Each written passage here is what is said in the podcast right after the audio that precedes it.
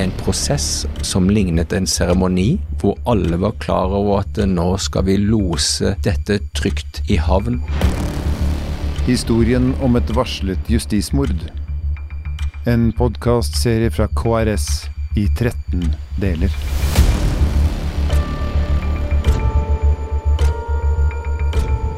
Del 6. Det å se på en rettssak fra utsiden, det er noe alvorlig som utspinner seg, det er det ikke noe tvil om. Men uh, du bruker også et ord som uh, rettssalen som seremoni. Ja, jeg gjør det, men uh, boka mi så skriver jeg et sted uh, at det ligner en seremoni. Mm. Og her skal jeg være litt forsiktig, men jeg bruker noen metaforer, og jeg bruker noen begreper. og hvis vi er helt jeg, jeg, sier også at jeg opplevde, opplever nå eh, prosessen som et slags godstog som blir satt på skinnene. Med fast bestemmelsessted? Ja, og med for mye fart og tyngde til at det var snakk om å kunne stoppe det. Mm. Eh, og jeg oppfatter også at man kan se på eh, på rettssalen som et eh, teater, for det er det. Man har eh, en fast, faste forestillinger med hvem som skal gjøre hva, og rollefordeling. Protagonist og antagonist, det er der, og det skal lages en fortelling.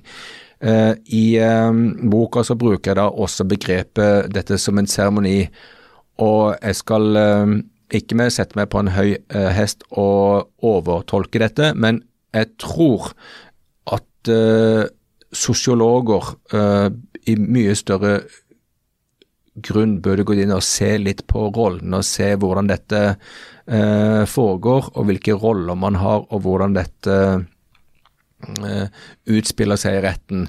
Og eh, i en stor fortelling om Baneheia-saken, så tror jeg vi kan se på dette, ja, som en seremoni hvor eh, alle i gåseøyne eh, visste at Jan Helge og Viggo Kristiansen sammen hadde voldtatt og drept to små jenter. Nå skulle de gjennom en prosess som lignet en seremoni, hvor alle var klar over at nå skal vi lose dette trygt i havn for alle, slik at vi, rettssamfunnet, kan putte disse to i fengsel i overskuelig fremtid, og alle kan rette blikket fremover. Mm. Og Sånn sett så ligner det på en seremoni hvor det var åpenbart hvor man skulle, og hvem som hadde hvilke roller. Man er mer opptatt av å komme gjennom prosedyrene, få alt formelt i orden og komme til dette endestoppet, til denne, dette godstoget som allerede har fått uh, satt kursen? Ja, det syns jeg var godt uh, sagt. Og, og, hvis man vil inn og pirke mer i det, så kan man også se, spørre seg om forsvareren til uh, Viggo Kristiansen egentlig opplevde å være en del av det samme. Det skulle jeg gjerne spurt han om i dag. Pettersen. Tore Hilding Pettersen ba om eh, lukka dører.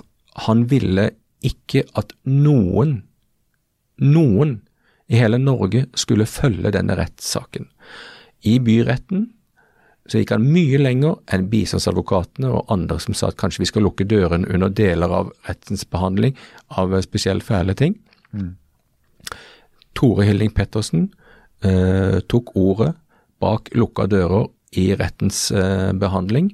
Det har jeg fått tilgang til etterpå, gjennom rettsboka, og hvor han argumenterer for å stenge hele byretten, sånn at ingen skulle få rede på hva som hadde foregått i Baneheia. Ingen skulle kunne skrive om det.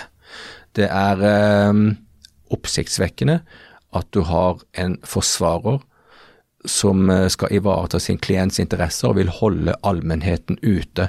Jf. dette med fortellinger, så vil han da eh, kunne spørre seg hva er det han ønsker, hvilken fortelling er det han mener eh, ved å holde alle ute og ikke skulle ta del i en forståelse av hva som hadde eh, foregått i denne seremonien, da, så har man jo da dommere som uh, jeg, når jeg ser tilbake, helt åpenbart visste hvor vi skulle ende. Mm. Og de kunne knapt komme dit fort nok. Og jeg syns protokollen var skrevet før de begynte.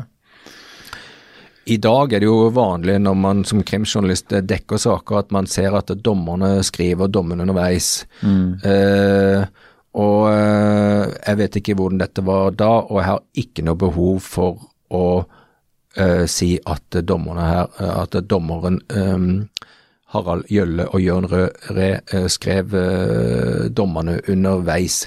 Eh, mitt poeng er her at jeg syns en studie av dette som en seremoni, hvor de helt åpenbart visste hvor vi skulle, mm. det fremtrer ganske tydelig. og Det syns jeg er verdt å, å, diskutere, men man skal gjøre det med en viss ydmykhet. Faglig fra min side, og i forhold til at man skal ha øynene klart festa på hva saken handler om. Og, og saken handler ikke om at dette sporet av som en seremoni, men det å se på det som en seremoni med sosiologiske briller kan kanskje hjelpe oss i å forstå hvordan dette kunne foregå. Hvis, hvis, vi løfter blikket litt da, uh, over Baneheia-saken, altså, og ser på, en måte hele, på hele rettssystemets funksjon i samfunnet vårt, er det ikke også ganske naturlig at det blir litt seremonielt? At det blir litt sånn understrekende at her rydder samfunnet opp? Her eh, går vi til, eh, til, eh, til, bunns i det vi lurer på, og så finner vi en slags konsensus rundt hva som er sant og ikke sant, og så dømmer vi. Så renser vi på en måte samfunnet. Det er, det er jo det er jo ikke den tredje statsmakt for ikke noe, dette her. Det er jo en institusjonell del av rettssystemet som også er ganske sterk. Så peker du egentlig på at den, den er litt fiende av egen funksjon? Jeg syns du sier dette veldig, veldig godt, det. Uh, og uh, vi har som samfunn et veldig behov for at uh, den skal ha en seremoniell funksjon og være troverdig. Og det kan gjerne være et tog som går på skinnene, sånn at vi alle kan være trygge og lene oss tilbake og si at her rydder rettsstaten opp, slik at vi kan rette blikket fremover. Men da må jo på en måte rettssamfunnet erkjenne sin Eh, begrensning, og kjenne på sin rolle og kjenne på sitt ansvar og tørre å stoppe opp og tørre å reflektere over den rollen. Altså, eh, La oss si det på en annen måte. vi det heter tingretter. Å gå til tinget fra 1000 år tilbake, det handlet om å møtes på volden og diskutere noe åpent. Mm. Og hele premisset og legitimiteten i den eh, dommen som ble avsagt, var at den skjedde i åpenhet, hvor alle skulle kunne høre på. Mm.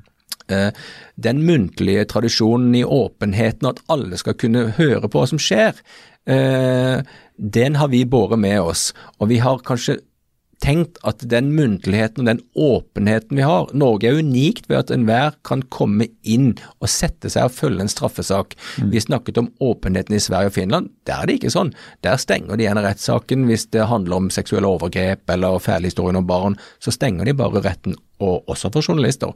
Så i Norge så har vi kanskje tenkt at vi er jo så åpne, her kan jo alle se oss i kortene. Men så foregår det to parallelle prosesser. Den åpenheten er ikke lenger så åpen. For det første så er det jo sånn at det, det er ikke lenger muntlige fortellinger om hva som skjedde, som dominerer en norsk rettssal. Det er skriftlige rapporter og gjengivelser av hovedpunkter og essenser i rapporter som ikke tilhørende heller får tilgang til. Eh, og i tillegg så er retten preget av den umiddelbarheten som man snakker om, er ikke lenger påtrengende når du er i en rettssal i dag. Den, eh, det fremstår som et mye mer stringent gjennomført uh, ja, nettopp uh, seremoni, eh, hvor ikke akkurat sånn åpenhet og diskusjon er veldig, veldig fremhevende. Mangler vi noe der, tror du? Altså, Du har jo pekt på i en annen episode at uh, nå sier du uh, at, i, at, i, typ Sverige og Finland så er det vanskeligere på en måte å komme inn i rettssalen, stenges raskt. Uh, mens i Norge var det vanskelig å få ut rettsdokumenter. Altså, det, det, det mangler noe både på. i forholdet i retten, og det mangler noe i tilgangen til diskusjon etterpå. Det pågår Altså, Norge har forsøkt å få på plass en ny straffeprosesslov eh, nå i snart ti år. Mm. Uh, og det er ikke uten grunn. Det foregår også en dragkamp uh, mellom påtalemakten og domstolene om hvem som egentlig skal bestemme i domstolen. Mm. Uh, I hvilken grad kan en norsk dommer i dag pirke i det staten ved statsadvokaten eller en politijurist, men gjerne i en alvorlig straffesak, en statsadvokat kommer og hevder har skjedd i retten. I Arendal, det er jo bare noen uker siden, en dommer eh, ble, ble, fikk eh, smake pisken av tilsynsrådet fordi han hadde stilt for mye kritiske spørsmål til fremstillinger som statsadvokaten hadde i en sak. Mm. Eh, altså, hvem er det egentlig som skal ha ansvar for at den diskusjonen foregår ordentlig i retten? Straffeprosesslovens 294 sier at eh, Domstolen har en egen plikt og en rett til å sørge for at saken er opplyst. Og så har du altså i dag diskusjoner hvor dommere gjør det, pirker i de beviser, spør og vil ha fram, og så får de etterpå kjeft for det. Det er Da snakker vi om diskusjonene i retten. I hvilken grad har vi egentlig en muntlig krangel og diskusjon? Det andre er, som du er inne på etterpå, for da må vi jo sørge for i dag at de dokumentene som er lagt fram for retten, de må jo bli offentlig tilgjengelige i en eller annen form, slik at vi kan diskutere dette og gjøre til et felleseie. Domstolenes legitimitet Altså, eh, vi har en domstol som utøver et volds- eller et maktmonopol, kan ilegge folk 21 år i fengsel. Legitimiteten etter uh, Tenk-saken og Baneheia-saken de har fått et kraftig skudd for baugen. Det Svaret på det er åpenhet om prosesser og gjennomsiktighet og transparens. Eh, det er helt åpenbart ikke mer lukkethet. Så rettsstaten må sørge for at vi kan diskutere grunnlaget for Baneheia-saker og andre saker. Eh, og Det må man legge til rette for. Ikke stenge dørene og tenke på at innsyn er et problem, for da har vi et enda større problem. Hva tenker du? Når uh, Viggo Kristiansens uh, forsvarsadvokat ville lukke dørene, hva, hva, hva, hva, tenker du ja, Du skal få slippe å si at det gjaldt akkurat han. Noen ønsker å lukke dørene. Hva tenker du er beveggrunnen hovedsakelig for å ønske det? Sånn helt personlig for den som gjør det, hvis dette er en forsvarsadvokat-type? Ja, Da er iallfall klienten din skyldig, det er det ingen tvil om. Historien om et varslet justismord.